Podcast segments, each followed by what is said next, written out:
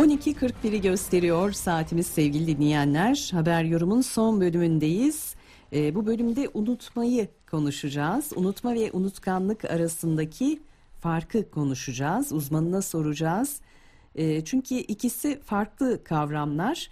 Ee, unutmanın farklı özellikleri var. Unutkanlığın farklı özellikleri var. Konuğumuz NP İstanbul Beyin Hastanesi Nöroloji Uzmanı Profesör Doktor Oğuz Tanrıdağ telefon attığımızda. Hoş geldiniz hocam. Hoş bulduk. İyi yayınlar. Çok teşekkür ediyoruz. Şimdi unutma ve unutkanlık arasında önemli farklılıklar var. Bunu bir ayırt ederek başlayalım mı söyleşimize? Tabii tabii. Ee, önemli bir ayrım bu. Hı hı. Karıştırılan bir ayrım. Unutma tamamen normal herhangi bir davranışımız boyutunda yer, yerine ve zamanına göre tamamen normal kabul edilmesi gereken bir işlem. Yani belli bir hı hı. bilginin başka bir bilgi eşliğinde veya beraber ara, araya başka bilgiler girdiğinde dikkatin oraya çevrilmesinden dolayı hatırlanamaması veya biraz daha geç hatırlanması. Bu normal bir davranış. Ve dolayısıyla bu fizyolojik dediğimiz normal boyutta yer alıyor. Ee, evet. Unutkanlık ise unutkanlık ise tekrarlayıcı ve dikkat çekici bir unutma davranışı. Yani bu etrafın dikkatini çekecek, kişinin kendi dikkatini çekecek, tekrarlayacak, hemen hemen her gün şu veya bu şekilde gerçekleşecek ve giderek gündem, gündeme oturacak. Bu unutkanlık bu. Şöyle söyleyebilir miyiz hocam? Unutma e, beynin bir özelliği, bir işlevi. Ama unutkanlık normal, normal bunun... beynin, normal beynin, normal beynin bir özelliği. Evet. Unutkanlık bunun bir davranış biçimine dönüşmesi mi? Böyle Doğru. böyle söyleyebiliriz o zaman. Doğru. Doğru. Ee, şimdi unutmak e, bazen böyle çok e, kısa süreli unutmalar var. Mesela en iyi bildiğimiz şeyi hatırlayamıyoruz. Bir önceki gün yediğimiz yemek sorulduğunda örneğin. Hani biraz evet. da böyle yaşımız ilerlediğinde. Gerçi bu genç yaşlarda da olabiliyor. Doğru. Ama e, daha elzem şeylerin unutulması ile ortaya çıkan rahatsızlıklar da var. Mesela Alzheimer evet. gibi. Bunlar tabii e, hastalık haline dönüşmüş durumlar. Evet. Bu evet. ikisi arasındaki kıstası da birazcık e, ele alalım. Aralarındaki farklarla. Şimdi bu ikisini ayırmak için öncelikle insanların dikkat kapasitesi önemli. Hı hı. Yani dikkat başka bir tarafa çevrildiğinde veya kafa başka bir konuyla meşgul olduğunda ister istemez unutma potansiyeli artıyor. Çünkü bir şeyi hatırlam öğrenmek ve hatırlamakta dikkat son derece önemli bir işlem. Dikkatimizi yoğunlaştırdığımız takdirde daha iyi öğreniyoruz. Daha iyi hatırlıyoruz. Buna ikinci unutkanlık nedeni deniyor. Dikkat üzerinden. Evet. Yani bellek üzerinden değil. Esas hastalık olan, hastalık potansiyeli olan hafızanın zayıflaması sonucunda ortaya çıkan unutma. Ve özellikle de yakın dönemde öğrenilenlerin unutması, unutulması şeklinde ortaya çıkıyor. Hı hı. Şimdi e, unuttuğunu unutmak mesela burada e, evet. e, bir herhalde hastalık, hastalık, hastalık belirtisi olarak e, alınabilir. Doğru. Yani e, bunu fark ettiğimiz noktada o zaman bir uzmana başvurmamız gerekiyor. E, kaç Ama tip unutkan? Zaman, Sözünüzü kesiyorum. Evet, sözünüzü buyurun. Kesiyorum. Ama işte unuttuğunu unutmak olunca bir unutkanlığın kendimiz bile farkına varmıyoruz. Orada bir hastalık başlangıç belirtisi. O zaman yakın çevrenin bu konudaki hassasiyeti çok önem taşıyor. Tabii, tabii. Yani böyle bir e, sıkıntı gördüğümüz zaman o zaman e, tıbbi bir destek alma konusunda e, yakınlarımızı desteklememiz gerekiyor. Kaç tip unutkanlık var? İşte e, birinci unutkanlık ve ikinci unutkanlık gibi hı hı.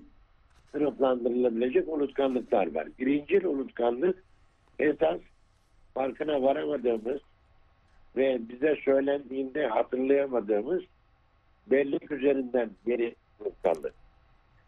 İkinci unutkanlık ise dikkatimiz başka bir yere ver, vermemizden dolayı unutmuş göründüğümüz ama hatırlatıldığında hatırladığımız ve e, unutmadığımız, bunu unutmadığımız türden bir unutkanlık. Evet. Metabolik. Bunları ayırmak ister. Hı hı. Metabolik dahili damarsal faktörler Tabii. eşliğinde ortaya çıkanlar var. Tabii mesela beynin çalışması, beynin çalışması öncelikle kanla Hı hı. belirli bir kan kan miktarının beyne ulaşmasıyla mümkün olan yani tansiyon yükselmeleri ve tansiyon Hı hı. düşüklüğünde beyin işlevleri bu yüzden etkileniyor. Kanla birlikte beyne oksijen ve en fazla gli- glikoz taşındığı için beyin metabolizması normal bir şekilde çalışabiliyor. Dolayısıyla beynin oksijen metabolizmasını, glikoz metabolizmasını etkileyen herhangi bir beyin hastalığı olmak zorunda değil. Herhangi bir problem unutkanlık nedeni haline dönüşebilir. Evet. Mesela beyin, beyindeki damar hastalıkları, beyindeki damar hastalıkları sonucunda gelişen bir bu- bulama türü var ki Hı hı. buna da, da- damarsal bulama deniyor. Bu Alzheimer hastalığından farklı bir bulamadır. Yaşlılığa bağlı olarak mı yoksa hastalıklara bağlı olarak mı? Yaşlılığa Ortaya- bağlı unutkanlık, yaşlılığa bağlı unutkanlık tartışmalı bir kavramdır. Hı hı. Her, her yaşlıda olan bir şey değildir. Değil evet. ve her yaşlıda olması beklenmez. Eskiden ya- yaşlanmanın doğal belirtisi olarak kabul ediliyordu. Ama şu anda genetik yatkınlık Hı hı. li- listenin birinci sırasına oturmuş durumda. Erken beyin yaşlanmasına karşı neler yapabiliriz hocam? Beyni diri tutmak açısından. Yani çok hakim hakim olabildiğimiz bir organ değil. Yani bir kalbimizi Hı hı. bir takım şeyler yaptırarak yap, yap- yaparak Egzersizler yaparak işte kalp Karaciğerimizi sağlığını koruyabiliyoruz. Evet. Ama beyinde eğer, eğer genetik olarak bizim erken yaşlanmamızı gerektiren bir potansiyel varsa bazı beyin hastalıkları erken yaşta ortaya çıkacak demektir. Buna kolay kolay, kolay hakim olamayız. Mesela erken başlangıçta Alzheimer hastalığı var. 30-40 yaşları arasında başlıyor Hı hı. hiç, hiçbir şekilde farkına varmamız ve engel olmamız söz konusu değil.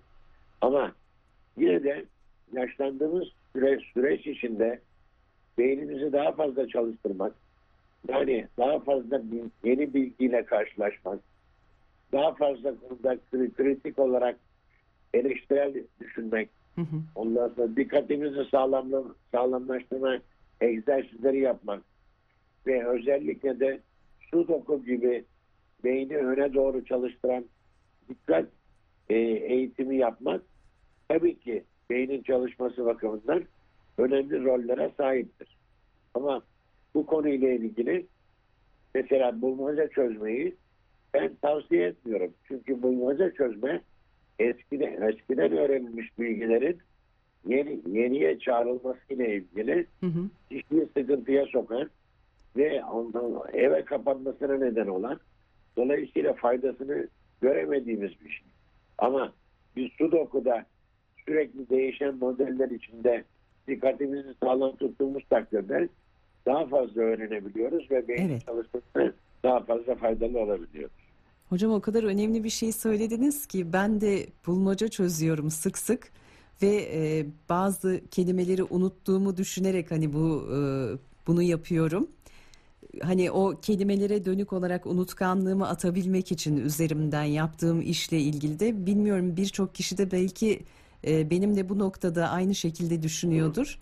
E, ama Doğru ben yıllardan beri söylüyorum. Ben yıllardan beri söylüyorum. Yani e, ezberlerimizi bozdunuz yani şu anda.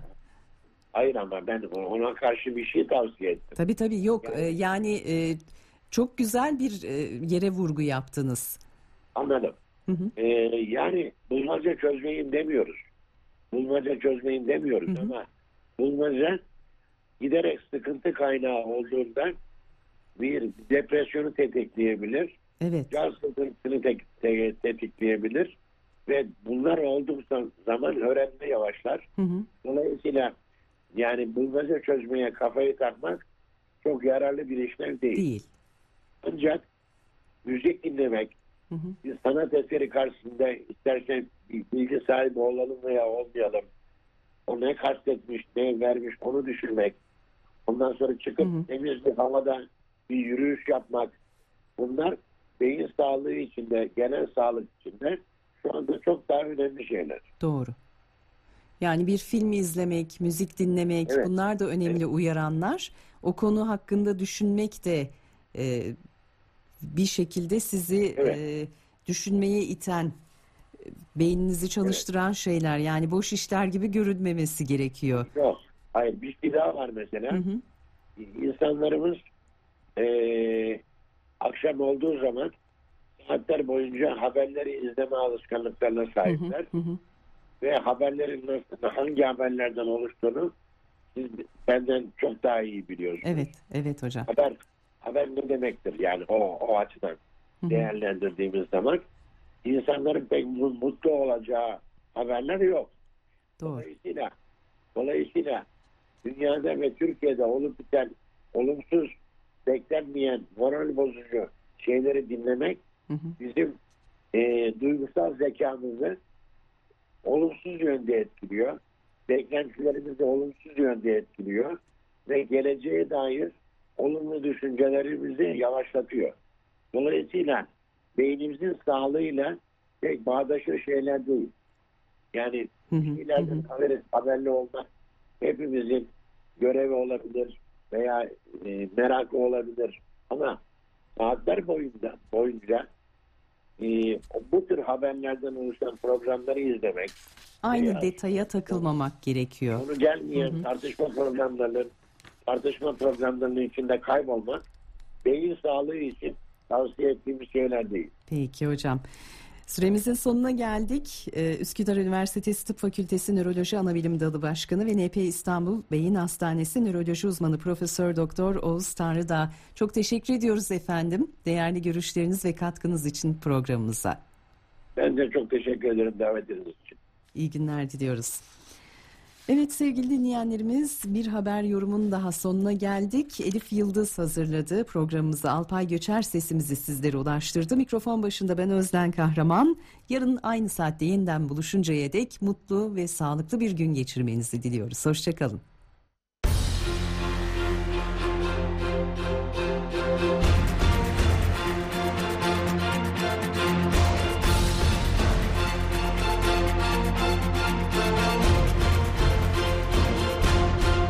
Haber, yorum.